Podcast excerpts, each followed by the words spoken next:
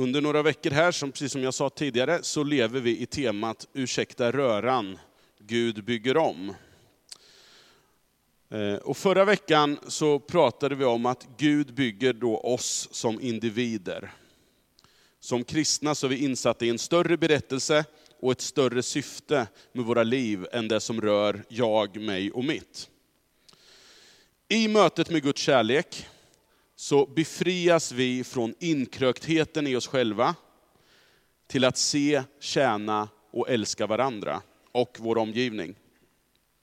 Ofta så tenderar vi att falla hän åt självcentrerad egoism och har en världsbild där vår egen navel är universums centrum. Ska vi se om vi får upp den här bilden här. Du kan ta en till här. Där ja. Den där, ni som har varit med några veckor nu känner igen den här, de här cirklarna. Eh, när vi lever med jaget i centrum, som egentligen är exakt det som Gud har befriat oss ifrån, då blir också kyrkan någonting som blir till för mig. Min utveckling, mitt välmående.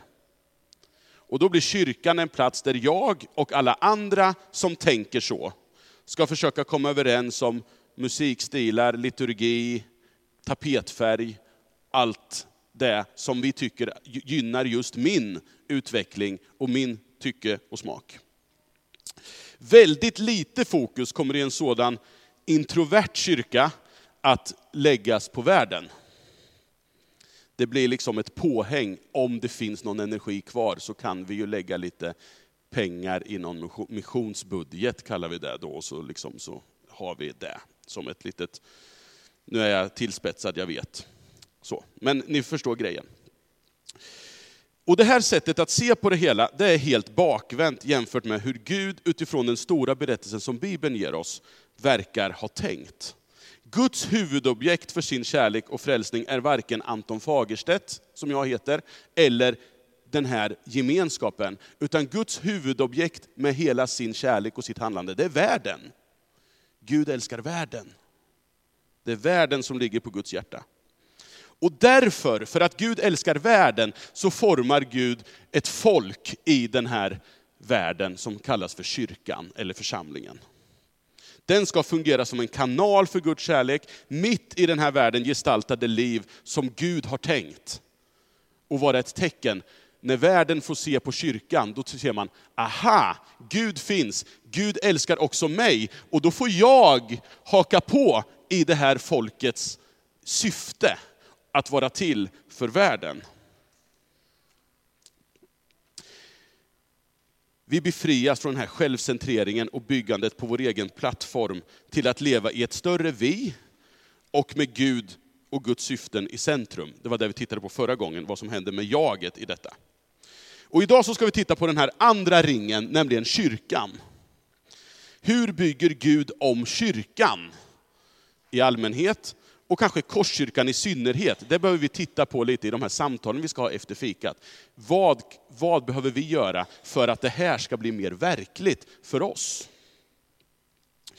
Eh, hur kan vi bli mer missionella i kontrast till introverta? Och jag vill ta utgångspunkt idag i en text från första Petrusbrevet 2, vers 4-10, som är en riktig kanontext alltså, om vi ska förstå vad, vad församlingens identitet är. Det är en av mina topp fem texter tycker jag. Jag tycker om den här. Så nu läser vi den, eller jag läser den och ni får följa med här. När ni kommer till honom, den levande stenen, ratad av människor, men utvald av Gud och ärad av honom. Då blir också ni till levande stenar i ett andligt husbygge. Ni hör liksom bygger, det är ett bygger här som håller på. Ni blir ett heligt prästerskap och kan frambära andliga offer som Gud vill ta emot tack vare Jesus Kristus. Det står ju i skriften, se på Sion lägger jag en hörnsten, utvald och ärad, den som tror på den ska inte stå där med skam. Äran tillfaller alltså er som tror, men för de som inte tror har stenen som husbyggarna ratade blivit en hörnsten, en sten som de snavar på, en klippa som de stöter emot. De stöter emot därför att de inte lyder ordet. Så är det förutbestämt för dem. Men ni är ett utvalt släkte, kungar och präster, ett heligt folk. Guds eget folk som ska förkunna hans storverk. Han har kallat er från mörkret till sitt underbara ljus. Ni som förut inte var ett folk är nu Guds folk. Ni som förut inte fann barmhärtighet har nu funnit barmhärtighet. När vi är i de här samtalen kring kyrka och så, så hamnar vi väldigt lätt på sådana här frågor om, vad borde vi göra? Vi borde göra så här, vi borde göra så här, vi borde göra så här. Vilken verksamhet ska bedrivas? Hur ska byggnaden se ut? Hur ska gemenskapen organiseras? Hur ska kyrkan agera, kommunicera i relation till samhälle, kultur och omgivning i stort? Hur, alltså massa sådana här saker som är praktiska. Och det är superviktiga frågor. Men för att finna svar på den här typen av frågor om göra, så måste vi ha svaret klart för oss på en ännu viktigare fråga, nämligen vilka vi vill vara. Identiteten föregår aktiviteten. I en av de filmer som har banat väg för min andliga utveckling, så, och det var en sån där film som jag kunde utan till och som jag säkert har citerat i flera predikningar förut, så möter vi en, ett lejon som heter Simba. Lejonkungen heter filmen. Och Simba flyr i barndomen från sin flock av lite olika anledningar. Han tror inte att han får vara med, eller han, han känner sig... Ja, det är olika anledningar. Han försvinner från sin flock. Vi behöver inte gå in mer på det. Och sen, sen kommer han till en plats där han möter ett vårtsvin som heter Pumba och en surikat som heter Timon. Det här är ju väldigt djupa grejer som ni förstår. Och först så blir ju Pumba och Timon helt skräckslagna. Det här är ju ett lejon, han kommer äta oss. Men så kommer de på den briljanta idén att vi kan fostra honom att bli som vi. Som vuxen, följer man sen liksom Simba här nu då, så har han blivit ett lejon som äter insekter och vegetariskt. Helt anpassad till den värld han befinner sig i. Eftersom de äter insekter och blad och sånt där äckligt, så gör han också det. Men så en kväll, och man märker att det, det, pågår ändå någon existentiell kamp här i Simbas liv. Och sen så en kväll så får han i en vision på himlen se sin döde far, som säger så här, Simba, du är mer än vad du har blivit. Du är mer än vad du har blivit.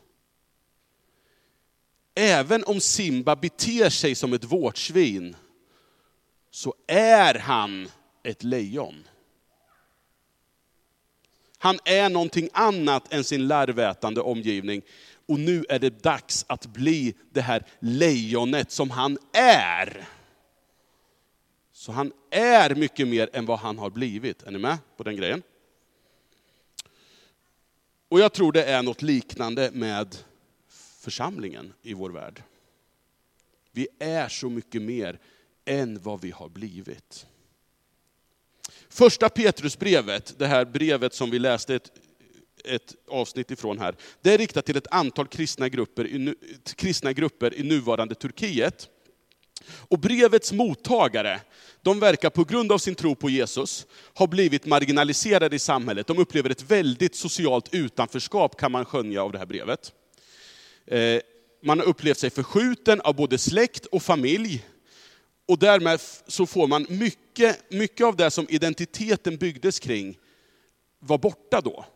Alltså man var ingen om man inte tillhörde ett familj, ett hushåll och så här i den här antika världen. Men med de här raderna så vill Petrus bygga kyrka av sina läsare och få dem att förstå vilka de är. Inte i första hand genom att berätta för dem, gör så här och gör så här och gör så här. Utan han sätter ord på deras vara. Vilka är ni? Och när de förstår det, då blir det också tydligt vad deras göra består i. Och då är det ju så här att Petrus han sätter in sina läsare i ett svindlande sammanhang genom att för det första då och det viktigaste, kalla dem för Guds folk. Ni är Guds folk. Ska vi se om det kommer upp där. Identiteten som Guds folk. Och nu kommer jag, sett, nu kommer jag rada upp några, några typer av identiteter här som, som Petrus ger till församlingen. Eh, och varje sån här identitetsaspekt parar jag ihop med en rörelse. Så nu är vi på uppåtrörelsen. Vi lyfter blicken mot himlen upp, sjöng vi nyss. Den rörelse som vi som, vi som kyrka har att, har att befinna oss i. En riktning. Vi befinner oss på en riktning uppåt. Vi relaterar till Gud. Ni som förut inte var ett folk, skriver Petrus, är nu Guds folk. Och att Petrus då som är jude skriver det här om de här människorna, som av allt att döma inte hade judisk bakgrund och därmed inte var en del av det som utifrån ett judiskt perspektiv var Guds folk. Det var häpnadsväckande radikalt. Han citerar en text i den här långa textpassagen från den mest identitetsbärande händelsen för Israels folk i Gamla Testamentet, nämligen det här givandet av lagen. När de får lagen, då, säger, då, då, då får, får, får de de här orden att ni är ett utvalt släkte, kungar och präster, ni är Guds folk. Och så, så applicerar han Petrus det här på de här små grupperna som lever i utanförskap och marginalisering i Turkiet. De sätts in i ett svindlande sammanhang. Det är inte längre knutet till ett specifikt etniskt folk, utan av de som tror på Jesus. Jesus beskrivs som en levande sten och en hörnsten för en större byggnad. När ni kommer till honom, skriver Petrus, så får vi del av hans liv. När ni kommer till honom, då blir också ni till levande stenar. Och det här kommandet, som det står där, när ni kommer till honom, det, det, det, det, betyder, det, betyder att, det betyder en sorts ständigt pågående rörelse mot Jesus. Det är ingenting att, okej, okay, när ni kommer till honom, och då blir vi det. Utan när vi lever i den här rörelsen av att vara pågående mot Gud, mot Jesus, då är vi levande stenar. Det är en process, det, är en rörelse. Och för pedagogikens skull så kan vi kalla det här en rörelse att vara riktad uppåt. Det kan finnas vissa problem med att enbart tänka Gud uppåt, som att Gud är liksom bortom månen, bortom Mars. Liksom, som man sjöng i en gammal sång förr i tiden. Men uppåt, det är också någon sorts vi, vi, vi, tror att det finns någon som är högre än vi, någon som har en högre position än vi, som vi har att relatera till. Guds folk är därför ett tillbedjande folk, med någon annan än sig själva i centrum. Och det är det som gör dem till Guds folk. Och förra veckan så utmanades vi av det här när vi läste den här Fader vår-bönen i gudstjänsten. I lovsång och i bön så uttrycker vi den här rörelsen och vi relaterar till ett annat centrum. Och kanske är det det regelbundna gudstjänstfirandets viktigaste funktion. Det vi är med om nu är ju ett sätt att på något sätt tänka att ja, men vi relaterar inte bara till det som är mitt och det jag har kontroll över, utan vi på något sätt möts så här därför att vi tror att det finns någonting högre än oss själva. Och vi påminns om det. Men hur mycket relaterar vi till Gud som centrum och hur beroende låter vi oss egentligen vara på riktigt? Om bönens plats, som vi säkert tänker är viktig på det här planet, avgörs av hur stor del den utgör av vår tid, då tror jag att vi behöver fundera över om vi inte på det här planet behöver fundera och bygga om för att den här uppåtriktningen ska stärkas. Det där får ni fundera på nu, och så pausar jag lite så får, så får eh, Peter och Lena här introducera nästa rörelse lite grann tror jag. Varsågoda. Vad sa du?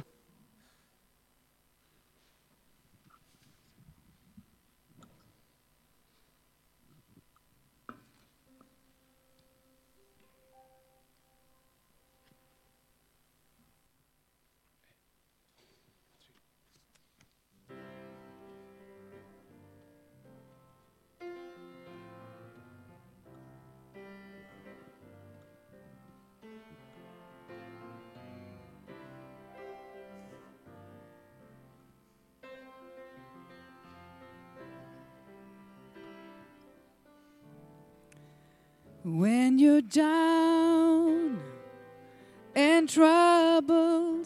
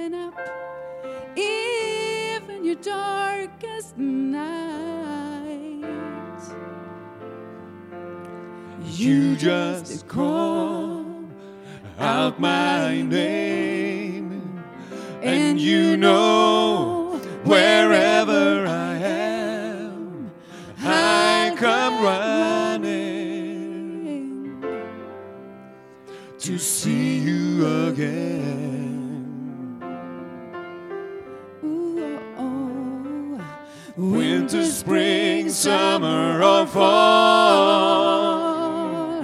All you have to do is call, and I'll be there. Yes, I will. Cause you got a friend.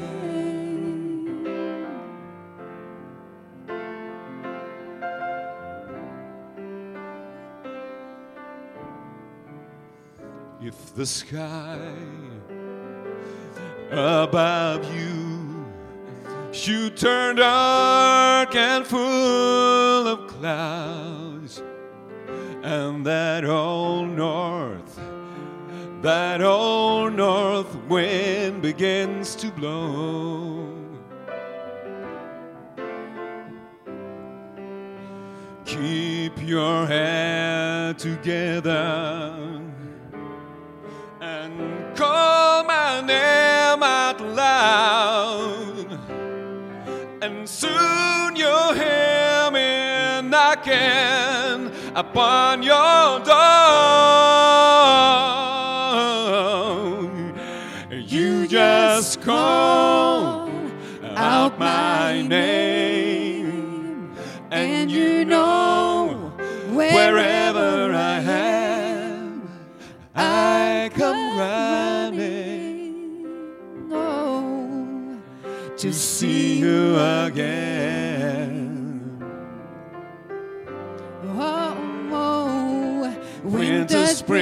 summer, or fall.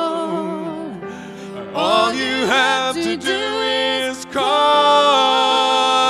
and I'll be there. Yes, I will.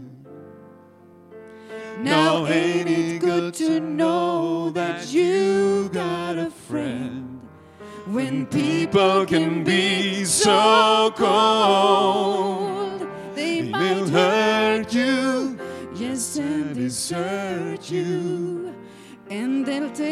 Take, your soul if you let them. But so don't you let them. No, You just call out your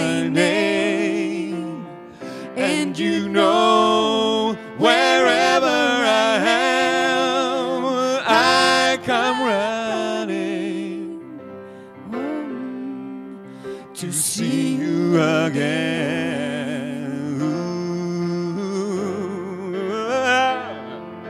Winter, spring, summer, or fall. All you have to do is call, and I'll be there. Yes, I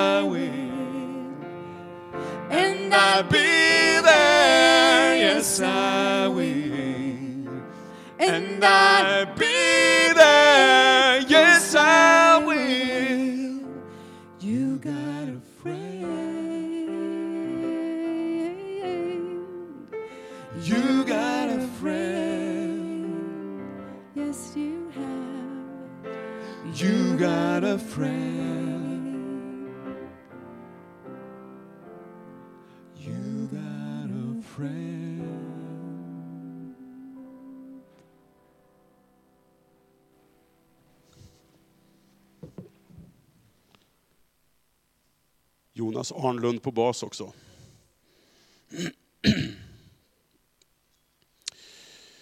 Att vara i, i den här uppåtriktningen då, innebär också att vara i till, det här att vara i tillbedjan innebär också att vi är riktade i några andra riktningar. Vi sätts i andra, rörelsen, andra rörelser. En av dessa är då inåt. Och vi kallar det för Guds holk. Guds hus. Ja.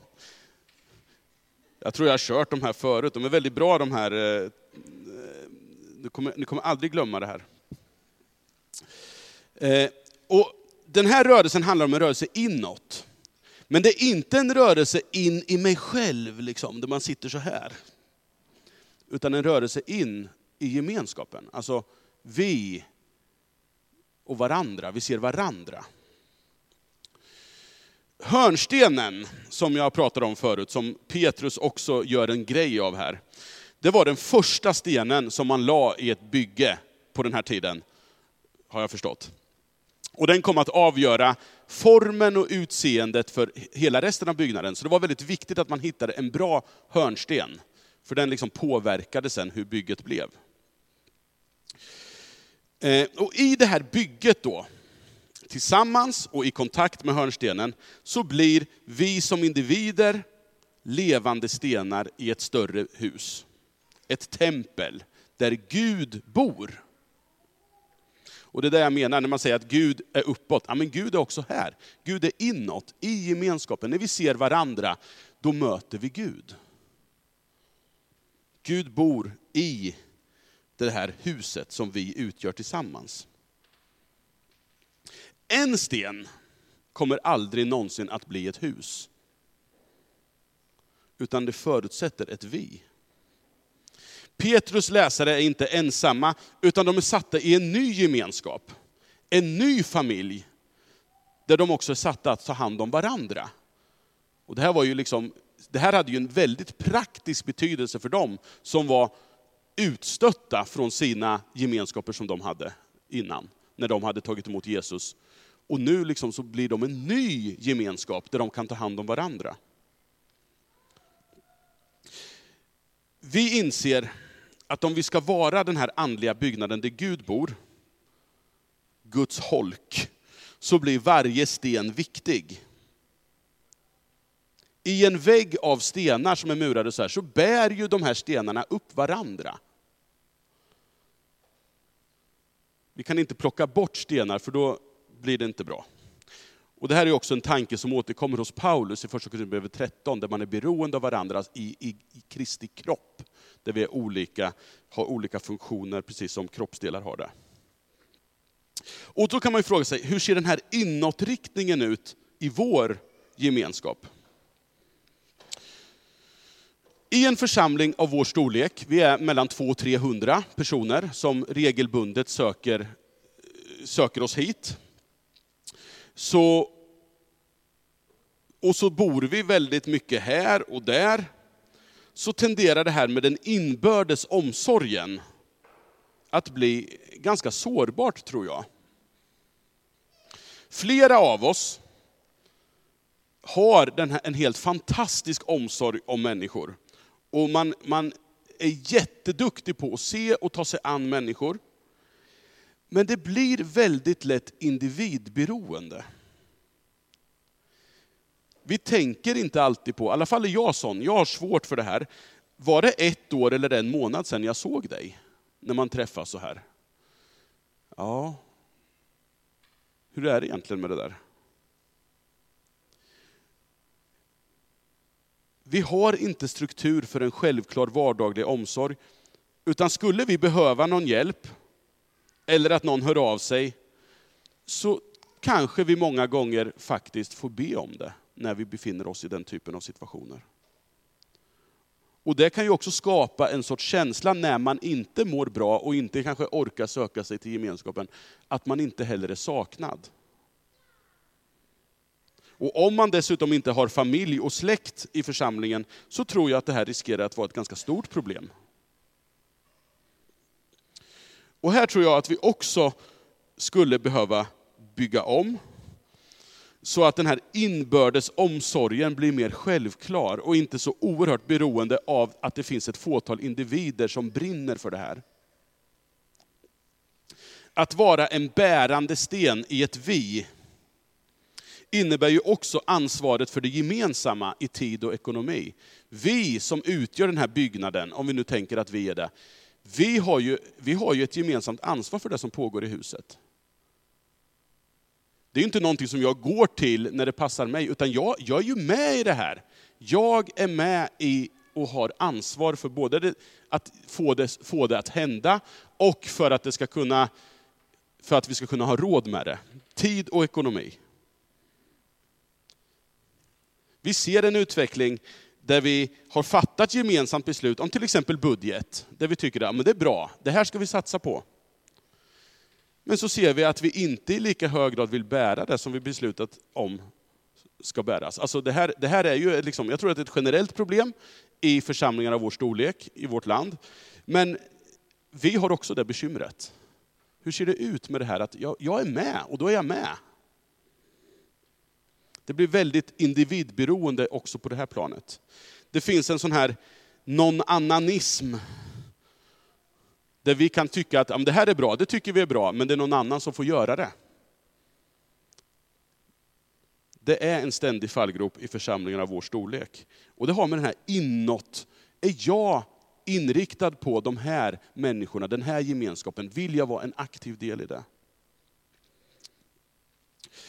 Den tredje riktningen handlar om att vara Guds tolk. Och då handlar det om en utåtriktning. Om man förenklar det lite. Guds stora plan, precis som vi tittade på tidigare, det var ju världens upprättelse, att världen ska få smak på Guds kärlek. Kyrkans hela existensberättigande består ju i att vara en del i Guds mission som upprättar den här världen. Alltså både uppåtrörelsen och inåtrörelsen har ju sin, sin funktion därför att utåtrörelsen ska kunna bli möjlig. Om vi inte har en utåtrörelse så är vi inte kyrka.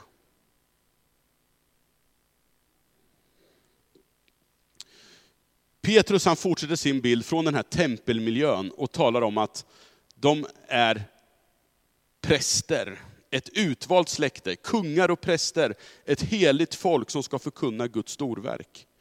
Ni blir ett andligt prästerskap, säger han. Prästens funktion i Gamla Testamentet, det var att vara folkets representant inför Gud. Prästen förrättade offer för folkets räkning. Prästen stod liksom emellan folket och Gud. Men funktionen bestod också i att representera Gud inför folket. Prästen var Guds tolk. Gud, Guds liksom handlande tog sig uttryck genom prästen. Men i Kristus så är inte längre den här rollen knuten till specifika utvalda individer som man utser till präster. Utan till alla levande stenar som tillsammans utgör det här prästerskapet, utgör den här tolken mot världen. Och det är ju det här som är poängen med, med vår tradition. Den frikyrkliga traditionen vill ju inte kalla de här som jobbar som jag gör och Inga-Märta och, och, och andra. Vi kallas ju inte för präst därför att det ger en missvisande bild, utan vi är pastorer. Mer herdar för prästerna. Det är ni tillsammans utgör vi prästerskapet. Var och en är vi kallade att vara Guds tolk i vår omgivning. Att göra Guds kärlek, nåd, rättfärdighet. Allt det där ska vi göra begripligt i vår värld, vår kultur och vår tid.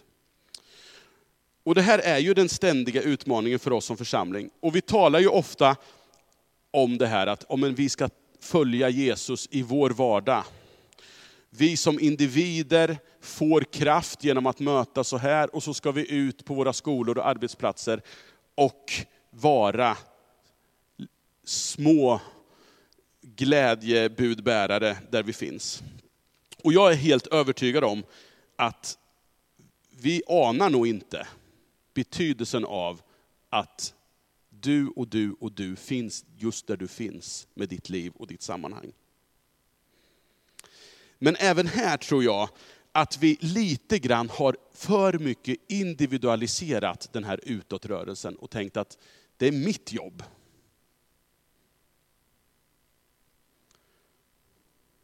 Vi gör det till något individuellt. Men jag tror att vi behöver hjälp även i det här avseendet att leva i riktningen utåt. Att mer tillsammans fundera över, vad kan vi göra? Både det här med att, att kommunicera tron verbalt, men också praktiskt i att göra Norrköping och världen till en bättre plats. Och att göra det i gemenskap med andra. Hur kan vi bygga om utåt så att vi blir salt och ljus i den här världen? Häng kvar i den frågan när Lena och Peter kommer med en liten, och Jonas och Martina. Yes.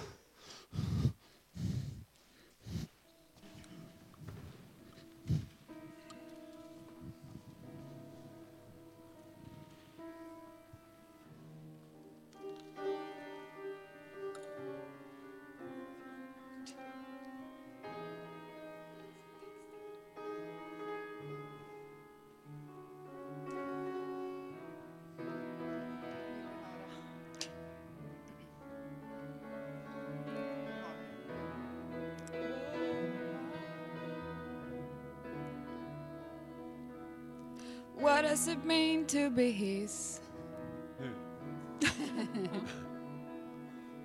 what does it mean to be saved? Isn't it more than just a prayer to prayer? More than just a way to heaven?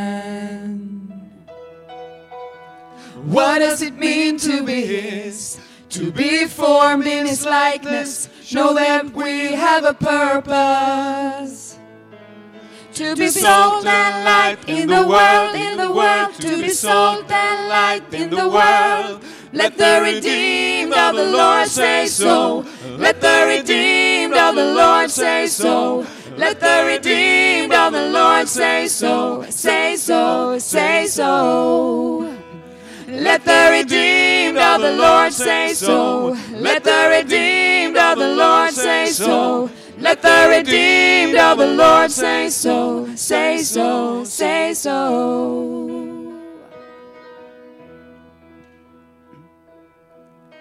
Oh, that the church would arise. Oh, that we could see with Jesus' eyes. We could show the world to heaven. Show what it means to be His, to be formed in His likeness. Show them we have a purpose. To be salt and light in the world, in the world. To be salt and light in the world. To be salt and light in the world, in the world. To be salt and light in the world. Let the redeemed of the Lord say so. Let the redeemed of the Lord say so.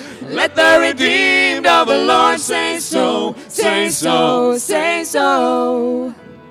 Let the redeemed of the Lord say so.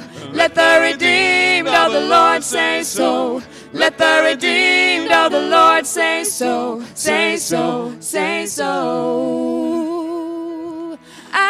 I am redeemed. I am redeemed. I am redeemed. I am redeemed. I am redeemed. I am redeemed.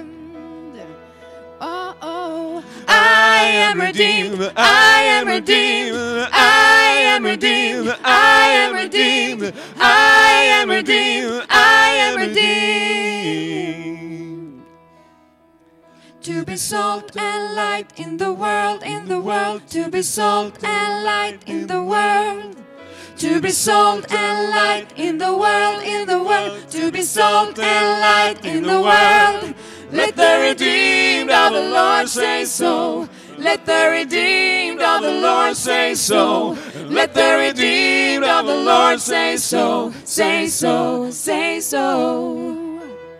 Let the redeemed of the Lord say so. Let the redeemed of the Lord say so. Let the redeemed of the Lord say so. say so, say so.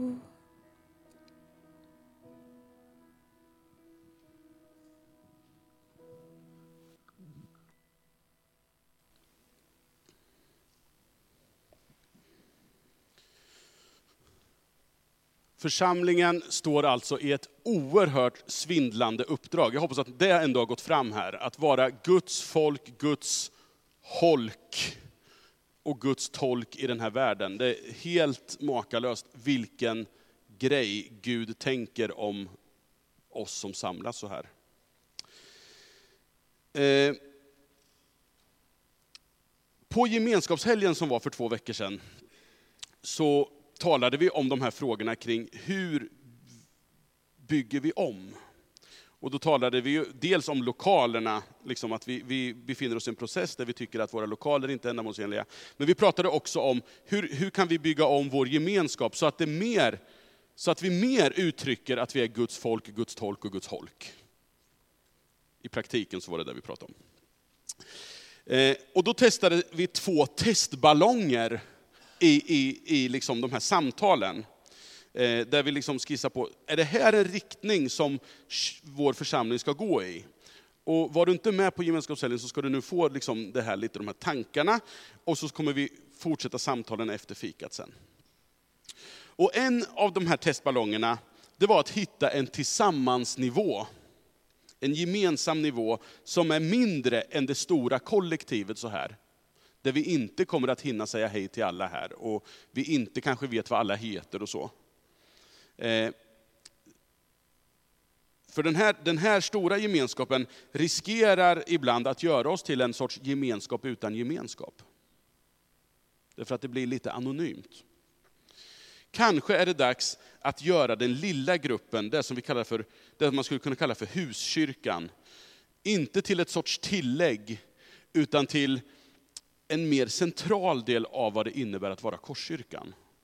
Där det blir en viktig värdering och betoning att vara med i en liten grupp. Självklart är man med i en liten grupp, därför att då blir det mer meningsfullt. Eh, I gudstjänstens gemenskap så, så blir det då kanske inte primärt individer som kommer samman och möts, utan grupper som kommer samman för att tillbe tillsammans och utmanas av undervisningen och få stoff in i de samtalsprocesser som pågår i den mindre gruppen. Och med mindre grupper som bas, så tror jag, det är min tes, att vi kan möjliggöra en större och mer naturlig rörelse, både inåt, i den omsorg vi har att visa varandra, det blir påtagligt om någon saknas. Och utåt, att vi liksom får kraft att men nu ska vi göra någonting tillsammans. Kanske kunde de här grupperna då, är en tanke då, skulle kunna vara, fungera i någon sorts tre veckors cykler, där man olika veckor betonar olika riktningar. Så det inte blir slagsida åt det här inre som så ofta blir. Och då blir det oftast inte den här inre heller. Jag har varit med i ett antal smågrupper kan jag säga, som blir ganska tröttsamma till slut. Därför att man är inte så intresserad heller ens av den inre gemenskapen, utan man är mest bara intresserad av det inre. Och berätta om hur dåligt jag mår och hur... Du, du, du, Ni vet, man ältar saker. Och det blir ganska ointressant. Men det, det, kan ju vara så att man behöver det också. Så jag vill inte raljera över det så mycket, bara lite. Eh, men, men det här skulle kunna vara en väg som vi får samtala om sen. Och för att ytterligare förstärka den här utåtrörelsen så har vi också talat om att sända människor som, som vill ut i missionella initiativ och börja nya saker i vår stad. Nya gemenskaper som kanske skulle kunna bli nya församlingar på sikt. Och det pågår samtal om det i församlingen och det finns en grupp som är lite så här, verkligen på gång och pratar väldigt tydligt i en sån här riktning med att nå nya människor. Men det är liksom lite så här smakprov på, skulle det här kunna vara en väg? Ja, det får, jag lämnar den liksom öppen. För på kvartalsmötet så kommer vi att samtala om det här utifrån några samtalsfrågor som vi får då. Men sammanfattningsvis, lika orimligt som det är för ett lejon att äta larver och grönsaker, lika orimligt borde det vara för en församling att bli introvert sluten och individualistisk. I Apostlagärningarna 2, som jag läste i inledningen, och som alltid lyfts fram som mönstret för, tänk, vi vill vara en församling som i Apostlagärningarna 2. Då ser vi ju hur alla de här riktningarna, uppåt, utåt och inåt, finns där som ett resultat av Guds närvaro. Anden möter med människorna och så uppstår den här gemenskapen. Och kanske var det så att Petrus såg det här framför sig när han skrev sitt brev till de här kristna, för han var med vid det här tillfället. Det står, står så här, och jag läser det en gång till som avslutning, det som då var inledningsordet idag. De som tog till sig hans ord, och den hans man syftar på här, det är just Petrus, för han har just hållit ett tal, där han har berättat om vem Jesus är. Eh, de som såg till sig hans ord lät döpa sig, och den dagen ökade de troendes antal med inemot 3000. De deltog troget i apostlarnas undervisning och den inbördes hjälpen, där har vi den här inåtrörelsen, man hjälper varandra. Man, höll, man, man deltog i brödbrytandet och i bönerna uppåt. Alla människor bävade, många under och tecken gjordes genom apostlarna. Här har vi någon sorts utåtrörelse, det märks, de märks i samhället. Och så de troende fortsatte att samlas och hade allting gemensamt, mycket inåt, man hjälps åt. De sålde allt vad de ägde och hade och delade ut åt alla, efter vars och ens behov. De höll samman och möttes varje dag troget i templet. Där har vi den stora samlingen. Det här, oh, 300 pers, vi är i det stora templet nu, är ni med? Och i hemmen, i den lilla gruppen, där bröt de brödet och höll måltid med varandra i jublande uppriktig glädje. De prisade Gud uppåt och var omtyckta av hela folket utåt. Och Herren lät var dag nya människor bli frälsta och förena sig med dem.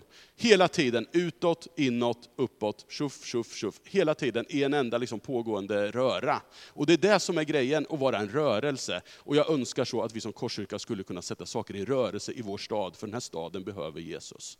Ska vi be tillsammans. Gud, jag tackar dig för att du är den som har uppstått från de döda. Du lever idag, det är inte en saga, det är inte en myt, utan det är sann verklighet att du uppstod från de döda och du lever och är herre, herrarnas herre och kungarnas kung. Och tack för att du har format din församling i den här världen och tack för att vi i Korskyrkan får vara ett uttryck, ett av många uttryck för din kropp i den här staden. Och vi vill be dig att vi tillsammans med alla andra kyrkor här skulle kunna få vara en smak av himlen. Att vi får vara salt och ljus som gör skillnad i den här världen, som är så beroende av dig, som är så beroende av hopp från dig, som är så beroende av mening, som är så beroende av så mycket som du har att representera. Hjälp oss Gud att vara dina, din, din, din tolk in i den här världen, så att människor får syn på vem du är och att din kärlek får bli begriplig och konkret. I Jesu namn ber jag så. Amen.